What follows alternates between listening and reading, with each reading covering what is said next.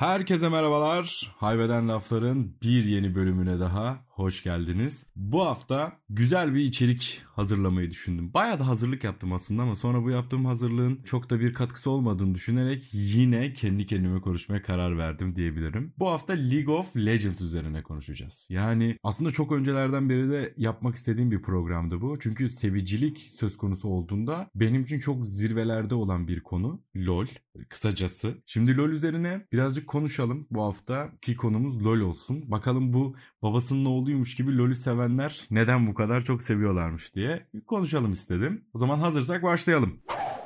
Evet. Haybeden Laflar'ın artık bir sponsoru var. Haybeden Laflar'ın bu bölümünü Fika Woods sundu. Açıklama kısmında Fika Woods'un hem Instagram adresini hem de alışveriş yapabileceğiniz web sitesinin linkini bulabilirsiniz. Girip birbirinden güzel el işçiliğiyle yapılmış ürünlerden satın alabilirsiniz. Sevdiklerinize hediye edebilirsiniz diyoruz ve reklamımızı burada sonlandırıyoruz. Teşekkürler Fika Woods. Birinci kısım LoL nedir? League of Legends denilen oyun nedir? Aslında bunun kökeni daha öncesinde Warcraft'ın içindeki bir Dota map'ine dayanır. Yani Warcraft diye bir oyun vardı bilenler bilir kendisi WoW'un da atasıdır. Ee, World of Warcraft'ın da atasıdır. Hah o atası olan oyunun içerisinde böyle oyuncuların kendi kendine yapabildikleri bazı PvP savaş modları gibi bir şey vardı. Onun içinde de bir Dota map'i vardı. Zaten bu MOBA kültürünün başladığı yerlerin başladığı yer burasıdır yani aslında MOBA kültürü buradan başlamıştır. İşte bu Dota mapinden sonra Dota 1 doğdu aslında. Bu Dota 1 doğduktan sonra bu inanılmaz tuttu. 5'e 5'lik işte o Dota'nın içerisinde map'in e, Warcraft map'in içerisinde bu oyunu oynayabiliyordun. Girip e, oyundan bağımsız bir şekilde biraz da böyle funny Moments gibi bir şeydi aslında orası. Güzel, çok zevkliydi. Daha sonrasından bu evrildi. Dota 1 oldu, Dota 2 oldu falan filan derken sonra bu Dota'nın bazı creator'ları, bazı bu map'i yaratmış kişiler e, Riot, Ray, neydi o? Bir dakika geçen onun okumasını demiştim. Yıllarca Riot Riot dedim ama maalesef öyle değilmiş. Aynı şekilde Knight'a yıllarca Knight demek gibi bir şey bu aslında. Riot Games, Riot Games. Neyse işte buraya geçtiler sonra bu yapımcılar. Ee, daha sonra League of Legends'ı yaptılar aslında. Oyunun için mekaniklerini hiç bilmeyenler için birazcık bahsetmek gerekirse 5'e 5'lik takım halinde giriyorsunuz. 3 tane koridor var. Bir koridorda jungle. Ee, ona tam koridor demek doğru değil ama jungle e, şeyi var diyelim. Lane'i var diyelim. Jungle'ın amacı genel olarak ormandaki yaratıkları keserek güçlenmek ve koridorlarda gank atmak ve koridorları aslında koridorlarda birazcık daha rakibi itme veya kule almada yardımcı olmak gibi önemli stratejik bir rolü var aslında. Yani Doğru jungle oyun kazandırır denilen yer burası. Anlatıyorum ama kendimde inanılmaz bir LoL seviciymişim gibi anlatıyorum. Ben de oynadım ama hiçbir zaman e, ciddi bir oyuncu olamadım veya hiçbir zaman başarılı bir LoL oyuncusu olamadım. Aslında hayatım boyunca oynadığım hiçbir oyunda ciddi bir, bir başarı kazanmış değilim. LoL de bunun bunlardan birisiydi aslında. Uzun bir süre oynadım LoL'de ama böyle ciddi ciddi aman da işte benim main'im bu. Hero'da ben bunu çok severim de şudu budu gibisinden oynamadım. Genelde arkadaşlarım çok oynardı. Ben de onlara eşlik etmek için oynadım yıllarca. Sevdiğim de bir oyundur ama yani hala böyle ara sıra açıp birkaç el atmak istediğim bir oyun. Atıyorum da zaten.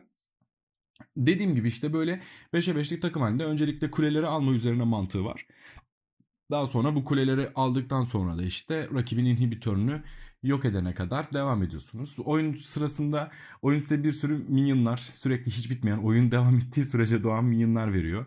Bu minyonları keserek işte e, son vuruşu yaparak aldığınız altınlar var. Bu altınlarla işte karakterinize e, itemlar alabiliyorsunuz falan filan. Her hero'nun ayrı itemları var. Bir sürü yani işte zaten sevicilik burada başlıyor. Oyun tam işte benim bu LoL sevicilikle alakalı ya bu oyunun bu kadar sevilmesinin sebebi neydi ki diye düşündüğüm yerde aslında birincisi Dota'dan daha ben hiçbir zaman Dota oynamadım. Ama ciddi Dota oynayan arkadaşlarım çok oldu. Yani biraz daha onlarla konuştuğumda böyle Dota vs LoL yaptığımda sanki e, Dota'nın daha e, karmaşık ve daha stratejik bir yapısının olduğu, LoL'ün ise daha böyle basic bir stratejisinin olduğunu söylüyorlar onlar.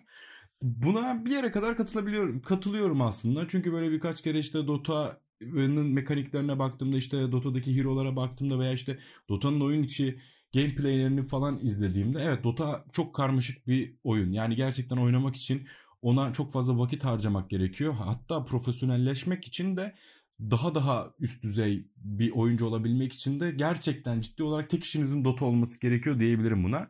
Ama LoL öyle değil. LoL'ün e, matematiği biraz daha basit aslında. Zaten bu kadar fazla sevilmesinin de en başta yani Dota'nın önüne bu kadar çok geçmesinin sebebi de bu. Yani matematiği basit. Herkes tarafından hızlıca kavranılıp oyun, oyun oynanabilir bir oyun.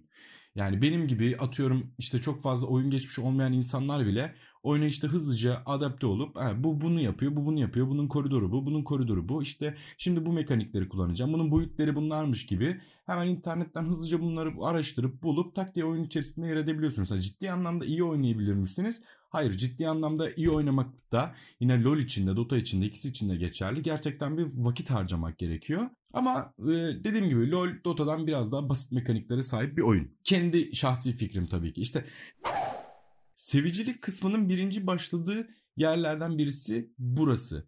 LoL gerçekten çok basit matematiklere sahip olsa bile inanılmaz derecede karışık bir oyun. Yani dışarıdan bakıldığı zaman o e-spor müsabakalarını izlen, izlediğiniz zaman veya işte oradaki spikerlerin neler konuştuğu hakkında birazcık böyle kulak kalabarttığınız zaman ciddi anlamda şunu söyleyebiliyorsunuz. Yani bu nedir? Hele ki oyun geçmişiniz çok fazla yoksa mekaniklere biraz daha aşina değilseniz gerçekten çok karmaşık bir oyun ve buna rağmen işte sevicisinin çok fazla olduğu bir oyun. Yani birinci sevicilik skalasını zaten burada atlıyorsunuz. Çok karmaşık, inanılmaz şeyler var. Bütün dengeler bir anda değiştirilebiliyor. Bir tane minyonu almayı unutsanız rakip sizi ezebiliyor falan bu tarz böyle mekaniklere sahipken buna rağmen böyle bir oyunu sevmek gerçekten çok büyük bir vakit harcamak demek ve bu vakti harcamak nedendir diye de işte kendi kendime soruyorum. Birazdan da zaten bunun üzerine birazcık da sohbet edeceğiz. İkinci aşamaya geldiğimizde de bunun LoL hayatımıza aslında daha önceden de var mıydı? Vardı elbette ama LoL hayatımıza e, çok bariz bir şekilde e-spor diye bir şeyi getirdi. Şimdi bu e-spor nedir? Az çok herkesin aşina olduğu bir şekilde işte elektronik sports yani bazı oyunlar var. Bu oyunları karşılıklı olarak müsabaka halinde oynanabiliyorsunuz ve sonunda bir para ödülü var ve o para ödülüne ulaşmaya çalışıyorsunuz. Ciddi turnuvalar yapılıyor bunlar için. Ciddi yatırımlar yapılıyor. Bir şekilde bakıldığında aslında artık o bu e, e-spor müsabakalarının düzenlenmesi ciddi anlamda kapitalize edilmiş durumda bir şekilde de. Ya kapitalizmin çatısı altına girdiği andan itibaren bu ne olursa olsun hiç fark etmeden kar amacı gütme e, mantığıyla hareket ettiği için kapitalist şirketler bu e-spor müsabakalarında tek amaçları aslında kar amacı gütmek ve ama bu kar amacını güderken de inanılmaz derecede bir mantığı yerleştirdiler. Yani bu oyunlar artık eskiden e, ailelerin oynandığı zaman kızdığı çocuklar bir şekilde bir anda büyük paralar kazanmaya başladılar ve büyük paralar kazanmaya başlanıldığında da buna olan mantalite değişmeye başladı. Yani bir zamanlar işte oyun oynuyor bu salak denilen çocuklar şimdi rockstarmış gibi özel arabalarla alınıp özel arabalarla işte müsabakalara getiriyorlar. Büyük villalarda işte antrenman yapıyorlar. Kendi evleri var. Kendi antrenman koçları var. Bilmem ne falan. Sanki böyle yani eskiden işte aileler çocuklar işte futbolcu olsun diye bunun peşinde koştururlardı. işte onları futbol okullarına yazdırırlardı falan filan. Şimdi tamamen mantalite artık e-sporda üzerine gelişmeye başladı. Bir yandan da baktığınız zaman gerçekten Türkiye'nin ve dünyanın köklü kulüpleri hani Fenerbahçe, Galatasaray gibi kulüpler işte Real Madrid gibi kulüpler, Barcelona gibi kulüpler kendilerine e altında e-spor branşları açmaya başladılar. Nasıl ki işte masa tenisi var, işte bilardosu var, işte e, pimpon, pimponla masa tenisi aynı şey. Kürek var, yüzme var, atletizm var, boks var bilmem ne. Bir yandan da artık e-sporda olmaya başladı. Kulüpler de bunun mantığın içerisinde. Ben hiç bunu düşünmezdim. Yani ben bir gün Fenerbahçe'nin, Galatasaray'ın, Beşiktaş'ın bir e-spor takımı olacak ve bunlar ciddi anlamda mücadele edecekler. Bir ligler olacak. Bu ligler takip edilecek. Bu Türkiye'de çok çok çok zor gelebilen bir şeydi benim ma- mantığıma. Ama gerçekten çok hızlı bir sürede de oldu. Yani bir anda bunların hepsi tak tak tak gerçekleşti. İkinci seviciliğin olması da işte futbol e, kulüplerinin fanat, fanatiklerini bir şekilde bu e-sporun içerisinde dalması ve seviciliği bir şekilde buradan da yürütmeleri. Şimdi diğer bir alana da bakıldığı zaman biraz önce şeyden konuşuyordum. Bu e-sporcuların e, gerçekten bunlar sporcu gibi de hareket ediyorlar. Yani buna birazcık araştırıp baktığınız zaman ciddi anlamda büyük bir sektörün olduğunu bir ya şöyle bir şeye denk geldim geçen. Buna daha önce hiç denk gelmemiştim. Bayağı da bir şok oldum. Ciddi anlamda da buradan para kazanıp kazanmıyorlar mı bilmiyorum ama gerçekten para kazanıyorlarsa da helal olsun. Özel koçluk diye bir şey var. LoL için. Yani siz bir oyuncusunuz. E, profesyonel bir oyuncu değilsiniz. Normal sıradan bir oyuncusunuz. Ama işte belirli bir alanda çok ilerlemek istiyorsunuz. Diyelim ki mesela üst koridorda çok e, ciddi üst koridor oyuncusu olmak istiyorsunuz. Giriyorsunuz siteye bayağı orada işte üst koridorda işte oynayan profesyonel e-sporcular var. O e-sporculara saatlik özel ders alıyorsunuz.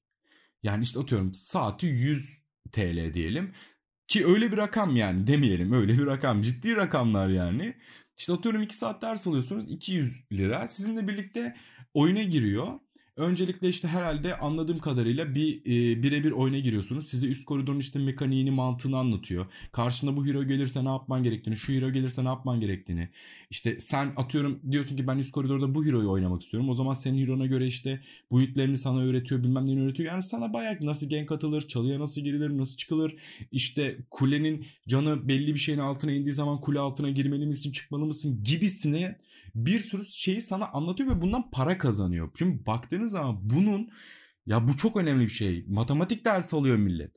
Yani eskiden öyleydi. Özel ders matematikten alınırdı. Ya da işte fizikten, kimyadan alınırdı ki işte üniversite sınavına gireceksin netlerini yükseltmek amacına falan. Ama artık bu dünya başka bir dünyaya dönmüş oldu. Yani bugünün e-sporcuları bildiğin bir dönemin artık matematik matematik öğretmenleri haline dönüştüler. Adamlar özel ders veriyorlar ve bunu satıyorlar parayla. Aslında bunu satmalarını da yadırgamıyorum. Çünkü sonuç olarak verilmiş bir emek var. Yıllarca verdikleri bir emek var ve bu emeğin sonucunda bir kazandıkları bir başarı var. Bu başarıyı tabii ki de paraya döndürmek en doğal hakları. Şu kapitalist şartlarda hele asla yadırganacak bir şey değil ama şu önemli ciddi anlamda buna para veren bir kitle var mı yok mu orasını bilemeyeceğim ama varsa üzerine konuşuyoruz.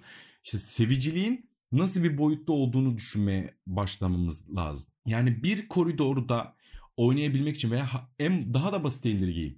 Bir oyunda iyi olabilmek için ciddi paralar harcamak ya sonuçta bir sermaye yatırıyorsun oraya ve zamanını harcıyorsun ve bu zaman gerçekten haddinden fazla bir zaman ve sonucunda bir şey olmayı hedefliyorsun.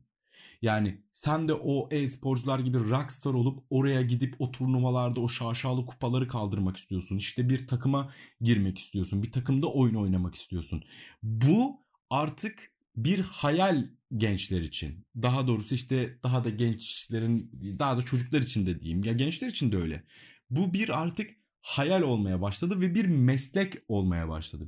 Yani seviciliğin geldiği boyutu aslında burada biraz da anlayabiliriz yani. Çünkü bir meslek olduğu yerde bunun size bir getirisinin olacağını bilmeniz ona sermaye yatırmanızı kolaylaştırıyor. Yani siz o siteden girip bir e, e-sporcudan özel ders aldığınızda aslında şunu kendinize söylemiş oluyorsunuz. Ben şu an kendime yatırım yapıyorum. İleride bu oyunda çok iyi olacağım ve bu koridoru çok iyi oynadığım zaman işte hızlı hızlı renklerde hızlı hızlı yükseleceğim ve beni de bir takım çağıracak. Ben de o takıma gireceğim, oyun oynayacağım, e-sporcu olacağım ve ciddi paralar kazanacağım. İşte bu hayal. Bu hayali satabildiğiniz yerde bir sürü kendinize sevici doğurabiliyorsunuz. Doğru olabilirsiniz, yapabilirsiniz ama koşullarınızın ve şartlarınızın tamamen o oyunu oynamak üzerine olması gerekiyor. Yani sizin bunun haricinde o oyun haricinde herhangi bir aktivite yapmamanız gerekiyor. Ciddi anlamda o oyun için saatlerce başında bir oturmanız gerekiyor. Şimdi ben e-sporcular izliyorum.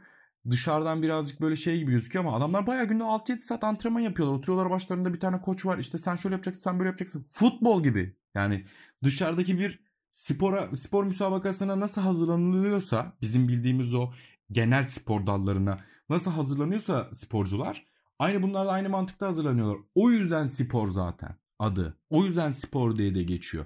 Ve bu vaadin bir şekilde gelecek nesle satılma satılması bizim seviciliğimizin doğurduğu asıl kısım.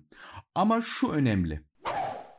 Şimdi sevici olmak var, sevici olmak var. Her programda da zaten bunu özellikle de vurguluyorum. Bir şeyin sevicisi olmak var, sevicisi olmak var.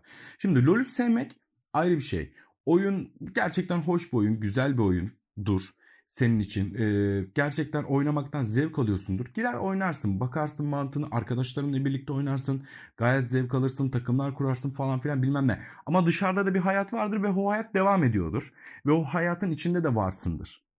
Ama yok. Sen o dışarıdaki hayatın hepsini bırak, bırakıp da tamamen bu oyunun üzerine yoğunlaştığın zaman ve artık hayatını e, engelleyecek derecede bu oyuna kanalize olduğun yerde işte problem burada başlıyor. Bu seviciliği engellemenin engellenmesi gerekiyor. Çünkü milyonlarca saat mesai harcayan bir güruh var. Sadece bu oyunda iyi olabilmek için.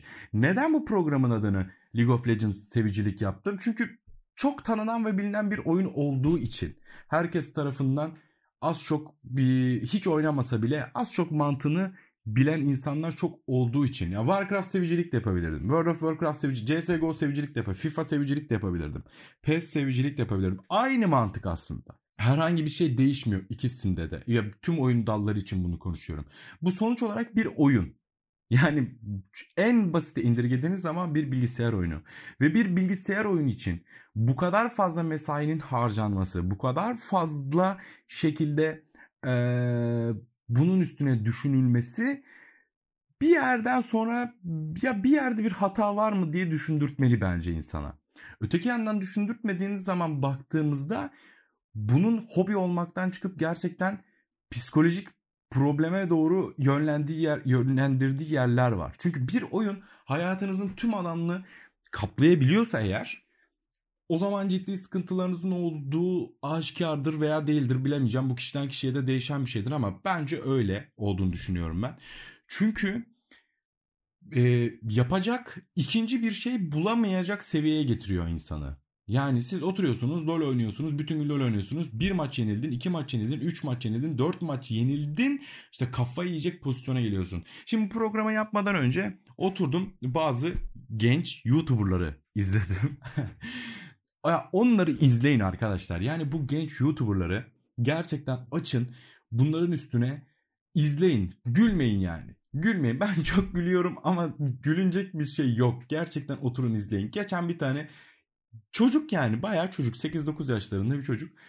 Açtım LoL oynuyor. YouTube kanalı var. Kendisine öyle bir kanal tasarımı yapmış ki ya inanılmaz ya. Gerçekten inanılmaz yani. Özellikle oturup bu yaş kitlesinin saatlerce analizini yapmak lazım. Yani çünkü çok büyük bir güruh orada kayboluyor işte.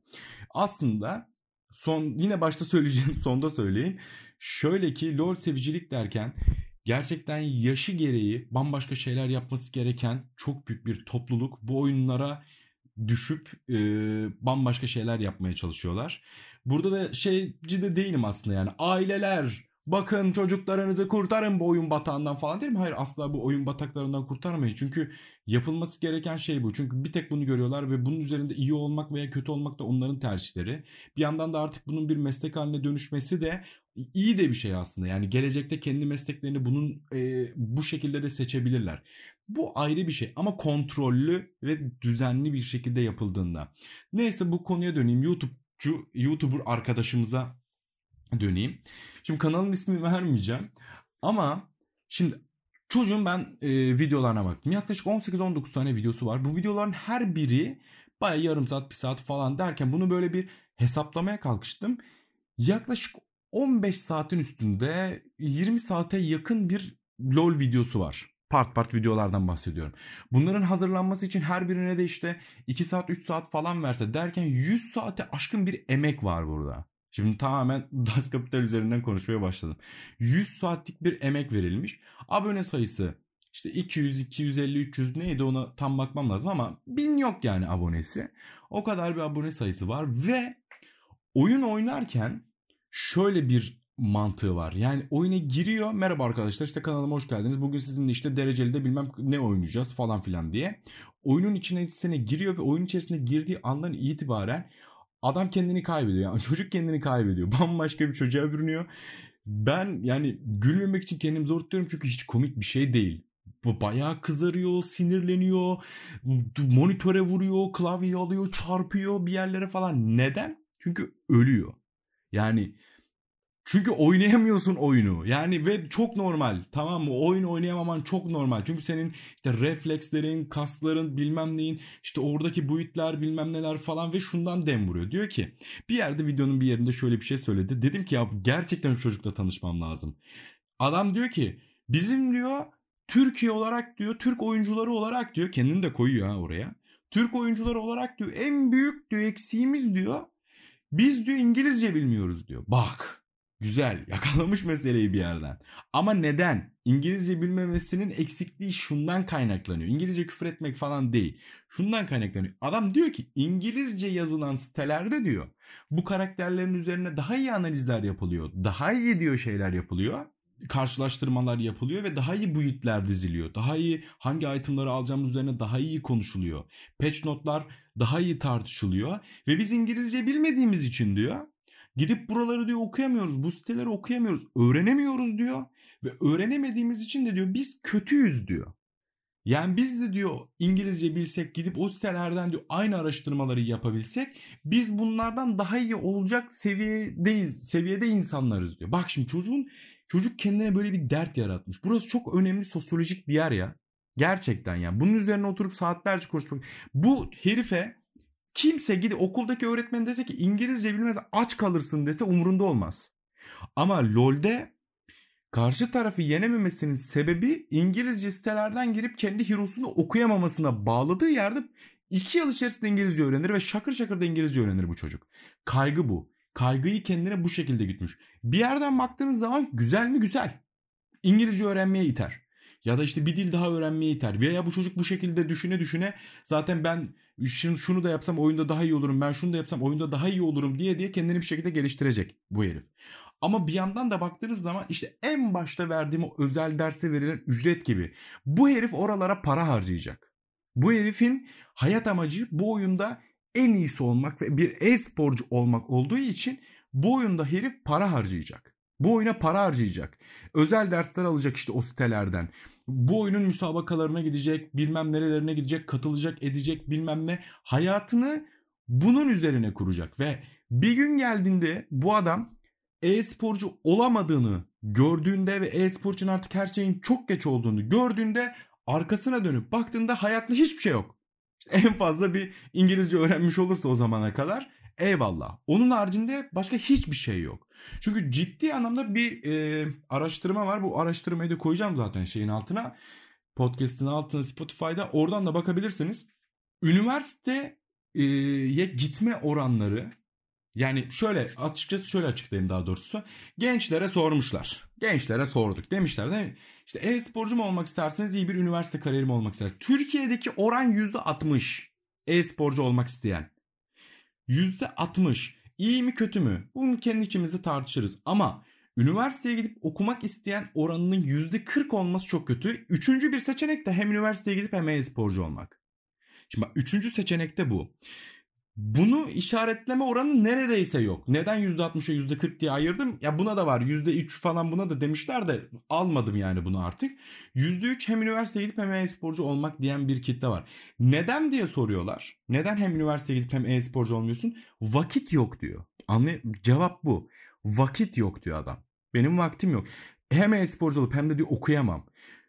E-sporcular ne yapıyor diyorsun? E onlar gitmiyor mu üniversiteye? Evet ama mantık olarak şu yerleşmiş bu oyun hayatının ortasına oturmalı. Ya iyi olursun ya da batarsın gibi. Yani dedim ki Allah Allah bu böyle bir şey mi? E-sporcuların girdim baktım linklerine profillerine falan baktım. Yo çoğu güzel üniversitelerde okuyor yani adamlar. Hani gayet de hani öyle siktiri boktan bir üniversitede okuyan da yok. Hepsinin güzel güzel üniversiteleri var. Ama yerleşen genel kanı bu. Yani buna ne kadar fazla saatini verirsen bu oyunu oynarsan okuyamazsın. Okumaman lazım. İşte kitap da okumaman lazım. Üniversiteye de gitmemen lazım. Arkadaşlarınla da gezmemen lazım. Sosyal bir şey de yapmaman lazım. Neden? Çünkü oraya vereceğin vakti oyuna vererek oyunda daha iyi olabilirsin. Mantığı yerleşmiş durumda. İşte benim tehlikeli dediğim yer az çok burası. Bu konuya da birazcık dikkat etmek lazım. Ee, LoL seven arkadaşlarım, dostlarım mutlaka tartışmak isteyip eksik bulduğunuz yerleri benimle konuşmak isterseniz çok sevinirim tartışmak isteyeceğinizden de eminim. Aşağıdaki sosyal medya hesaplarından ve bana ulaşabilirsiniz. Tabii ki de bu kadar kısa bir süre zarfında sizleri de sıkmadan genel bir mantık üzerinde konuşmak benim için de çok zor oluyor. Unuttuğumuz bir sürü yer vardır, eksik yer vardır, başka oyunlar vardır. Bunlar üzerine de tartışabiliriz, konuşabiliriz. Benim şimdilik söyleyebileceklerim bu kadar. Ez cümle olarak özetle güzel ama hayatınızı mahvedecek kadar değil. Daha çok hayatınızı mahvetmeden hayatınızdaki eğlence alanlarının yanına bir de bu oyunları koyarsanız bence daha çok zevk alacağınızı düşünüyorum. E gerçekten oyunlarda iyiyseniz de eminim ki o özendiğiniz e-sporcular o rockstarlarda kendi özel hayatlarına bakıyorlar. Onların da kız arkadaşları var. Onlar da yiyorlar, içiyorlar, geziyorlardır diye düşünüyorum ki umarım öyledir. Ama bence öyle. O yüzden siz de hayatınızdaki eğlence alanlarının yanına alın bu oyunları. Hayatınızın odak noktasına almayın. Tekrar söylüyorum. Unuttuğumuz eksik kalan bir yer varsa tekrar bana yazabilirsiniz. Düzeltmek istediğiniz yerler varsa bir de bu var dediğiniz yerler varsa sizinle tartışmaktan çok büyük keyif alırım. Beni dinlediğiniz için teşekkür ederim. Haybeden Lafların bir bölümünün daha sonuna geldik. Haftaya görüşmek üzere. Hoşçakalın.